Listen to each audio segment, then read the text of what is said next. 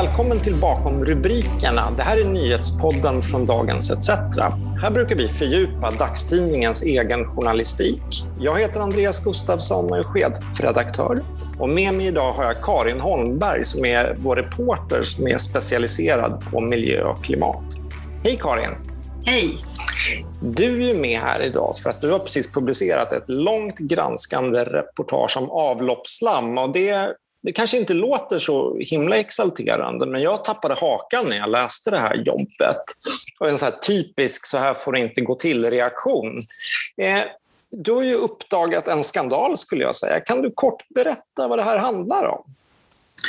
Egentligen är inte det här någon nyhet eftersom det har pågått ända sedan 60-talet. Men det är inte heller någonting som de flesta känner till. Eh, det handlar om eh, bruket att sprida avloppsslam från våra reningsverk på jordbruksmarken. Syftet sägs vara att gödsla marken men eh, avloppsslammet innehåller också de koncentrerade förorenade resterna som renas ur vattnet. Det som man alltså inte vill ha i vattnet. Och det är det man då istället sprider ut på åkermark. Alltså, eh, när jag tänker avlopp så tänker jag ju att det kanske inte är så farligt. Jag tänker bajs helt enkelt, att det är näring och gödsel och att det växer bättre hos bönderna. Liksom en sorts kretslopp kanske och att det har gått igenom reningsverk. Men vad finns det i det här slammet som blir kvar? Om du kan berätta lite mer om det. Mm. Exakt, och det är precis det som de som gillar det här att sprida avloppsslam på åkrarna brukar framhålla, att det är viktigt att vi har ett kretslopp från stad till land. Näringsämnen måste återföras till åkermarken och det är ju ingen som säger emot det. Men problemet är att det är ju inte bara vårt toalettavfall som når avloppsreningsverken, utan det är ju även allt vatten som kommer in från industrier, sjukhus, dagvattenbrunnar och alla andra källor i hushållen. Det gör att Eh, det handlar om hundratusentals kända och okända kemikalier som eh, följer med vattnet in i avloppsreningsverken. Det är tungmetaller, det är mikroplaster, det är smittämnen, läkemedelsrester, UV-filter. Alltså precis allting som finns i samhället hamnar förr eller senare i avloppsreningsverken.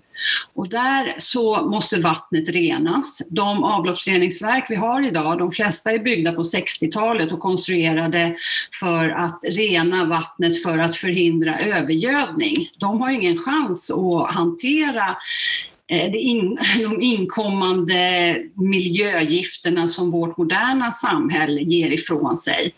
Men en hel del eh, följer ändå med när vattnet renas från eh, vad ska man säga, mull och slam och orenheter, synliga orenheter och hamnar då eh, som ett avloppsslam. Eh, jag kan inte det här jättebra, men kemikalisk rening, biologisk rening, det finns olika reningssteg. Mm. Men man, man, man, kan inte ta bort eh, liksom allting som potentiellt kan vara farligt ur slammet helt enkelt? Nej, men i alla fall allt det som man kan ta bort, det är det som bildar avloppsslammet. Mm. Och eh, det, man skulle kunna göra en eh, jämförelse med kroppen. Här så vi äter saker, njurar och lever tar hand om de gifter som kommer med i det vi stoppar i oss. Och så blir vi av med det genom urinet. Där blir vi av med, eh, med vatten och föroreningar. Men vad vi gör då istället det är att de här gifterna som vi har rensat ut från vattnet därför att vi inte vill ha dem i kretsloppet, de slänger vi ut på åkermarken. Alltså, personligen hade jag aldrig hört talas om det här och den första frågan som dök upp i mitt huvud är ju hur farligt är det här egentligen? Ett av de stora problemen är att vi vet inte exakt hur farligt det är. Däremot så känner vi ju till att det finns ämnen i det här avloppsslammet som är bevisat cancerogena, hormonstörande, reproduktionshämmande. Vi vet att det finns riktigt farliga kemikalier i slammet och andra miljögifter. Men vi känner inte till någonting om cocktaileffekterna, hur de reagerar i ekosystemen. Det finns hundratusentals kemikalier som vi inte vet någonting om överhuvudtaget. Eh, vi vet att det finns tungmetaller som är skadliga, men eh, exakt vilka effekterna är, det vet vi inte. Och det var därför som Kemikalieinspektionen i sin remiss till den senaste slamutredningen sa att här måste verkligen försiktighetsprincipen råda. Därför att eh, när vi väl vet hur farligt det här är, då är det för sent. Mm. Och idag råder inte försiktighetsprincipen och slammet hamnar på åkrar och där odlas det ju grö grödor. Äter jag det här eller liksom hamnar det här i min och i mina barns mat? Eh, en hel del vet vi att gör det, som till exempel kadmium som är en av de absolut eh, miljö och hälsoskadligaste tungmetallerna som vi vet är cancerogen och dessutom eh, orsakar benskörhet. Eh, men det är samma sak där, att eh, för de flesta av de här ämnena som återfinns i slammet så vet vi inte ens hur mycket eller vilka som tas upp i grödor. Det har inte forskats tillräckligt mycket och kunskapen är för dålig helt enkelt.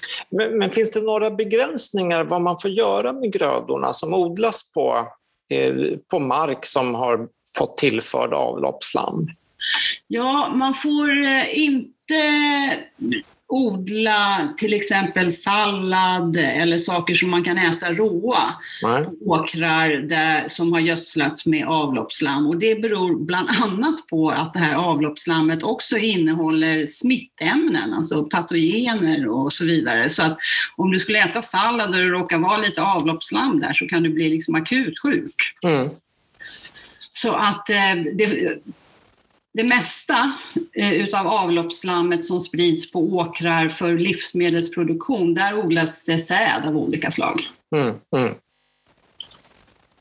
Jag förstår. Eh, men alltså, en annan fråga som dyker upp är ju hur, varför vill bönderna ha det här på, sin, på sina åkrar? Och vad säger böndernas... Eh, bönderna har ju mäktiga centralorganisationer som LRF. Hur ställer de sig i det här? Ja, jag skulle säga att min bild är att eh, lantbrukarna är splittrade. Jag måste ändå säga att eh, väldigt många lantbrukare säger totalt nej till det här. De vill absolut inte förgifta sina jordar. De bryr sig om sina jordar och kretsloppet och förstår att allting hänger ihop i naturen. De vill inte ha långlivade organiska föreningar som PFAS och så vidare som eh, sprids i naturen och i människors eh, kroppar och anrikas. Däremot så finns det ju även de som ser det som ett billigt sätt att få näring. De slipper köpa mineralgödsel, de får till och med betalt av entreprenörerna som sprider slammet. Många av de som sprider slam på åkrar är efter vad jag har hört arrendebönder. De arrenderar marken. Det är alltså inte deras mark miljöinspektör Eva Björnberg som jag träffade inför det här reportaget, hon berättade att hon brukade ta kontakt med arrendebönder, med ägarna till jorden som arrendebönderna ville sprida slam på och tala om att eh, hör du, den här personen som brukar din jord, han vill sprida slam här. Och då var det många som hyrde ut jorden som inte visste om det och starkt motsatte sig det här. Det är ju jätteintressant. Alltså, du nämnde ju pengar, alltså, så att det finns ekonomiska incitament i det här. Att det finns eh, entreprenörer som tar hand om slammet från reningsverken och att sen bönderna på något vis då gör affärer med de entreprenörerna. Hur fungerar det? Ja, alltså eh, för avloppsreningsverken eh, ja, våra kommunala avloppsreningsverk, de, för dem är det här ett kvittblivningsproblem. Varenda dag så bildas det tusentals ton avloppsslam i reningsverken. Och de måste bli av med det här slammet på något sätt. Och hittills så har en, eh, en stor del av lösningen varit att de helt enkelt betalar en entreprenör, det finns många stora och små, som tar emot det här slammet och eh, sen ta kontakt med bönder och se till att det sprids på de här åkrarna. Och de, kanske får, de här entreprenörerna kanske får 500 till 1000 kronor per ton från avloppsreningsverken och sen betalar de i sin tur en summa till bönderna för att de ska sprida ut det här. det är en hel, eh, det är en betydande industri det här då, som omsätter ganska stora belopp som du, som du eh, beskriver i det här reportaget. Ja, alltså när jag har talat med bönder nere i Skåne så finns det de som säger att eh, för vissa bönder är det här en betydande del av deras ekonomi att de får betalt per ton avloppsslam som de sprider ut. Och det är inte alla kommuner som har jättebra koll heller på hur ofta en bonde sprider slam och så vidare. Det finns ju regler för det här, men eh, kontrollen eh, om de efterföljs eller inte är inget vidare på vissa håll. Så, en, ursäkta att jag avbryter här Karin, men alltså, allting låter så gammeldags när du beskriver det här, reningsverk från 60-talet och att alltså, vi är ju mer medvetna om vad och hur vi äter idag och ändå hamnar det här på åkrarna. Finns det inget annat liksom, tekniskt sätt att ta hand om slammet än, än hur det går till idag? Eh, jo, och det är ju det som är väldigt intressant också att eh, här i Sverige så har vi en rad företag som eh, har utvecklat olika metoder som möjliggör att man kan eh, eh, rena slammet från majoriteten av de här skadliga ämnena som vi verkligen inte vill återföra till kretsloppet och samtidigt ta tillvara näringsämnen som fosfor och kväve och till och med mull. Eh, och, eh, jag har träffat eh, företrädare för flera av de här företagen och de väntar bara på tillstånd att få köra igång. Men tydligen så lyder de under en också ålderdomlig lag som gör det svårt. Så det, det, krävs verkligen att lagstiftarna har en vilja att ta tag i det här, se till att modernisera lagstiftningen så att de här företagen med sina nya idéer kan dra igång. Ja, du, beskriver, alltså, du beskriver ju, du har ju träffat bönder i, i ditt reportage och du beskriver ju också en slags motståndsrörelse som eh, liksom har fått fäste i Uddevalla där en centerpartistisk lokalpolitiker som själv är jordbrukare har drivit på för ett förbud mot, eh, eh mot avloppsslam på åkrarna. Är, är det där någonting, eh, alltså i väntan på lagstiftning, bedömer du att bönder börjar, själva börjar mobilisera mot det här? Alltså, min bedömning är att eh, LRF, eh, de har ju eh, under eh, de har flera gånger under de här senaste 20 åren eh, som det har eh, producerats den ena slamutredningen efter den andra, faktiskt gått ut och uppmanat medlemmarna att inte sprida slam när det, ja, i takt med att det har kommit olika larmrapporter om att det är mycket mikroplast eller det är mycket andra föroreningar i. Och eh, 2017 så lanserade de en väldigt ambitiös kretsloppspolicy som de sedan har lämnat. Och nu är, det ingen, nu så är det ingen riktigt som vet var LRF står. Däremot i Uddevalla så finns det en kommunpolitiker och LRFs eh, lokala ordförande för LRF, Torsten Torstensson, som är eh, motståndare till slamspridning och eh, en tongivande figur. Och han har lyckats få med sig kommunfullmäktige på en policy som säger att slamspridning ska inte tillåtas i Uddevalla kommun så länge det inte är bevisat att det inte är farligt. Det är den rakt motsatta hållningen mot den som utredarna bakom den senaste slamutredningen kom fram till, att slam kan spridas så länge det inte är bevisat att det är farligt. Och grejen i Uddevalla är att eh, det är ju inget formellt förbud i kommunen, för att enskilda kommuner kan inte förbjuda det här.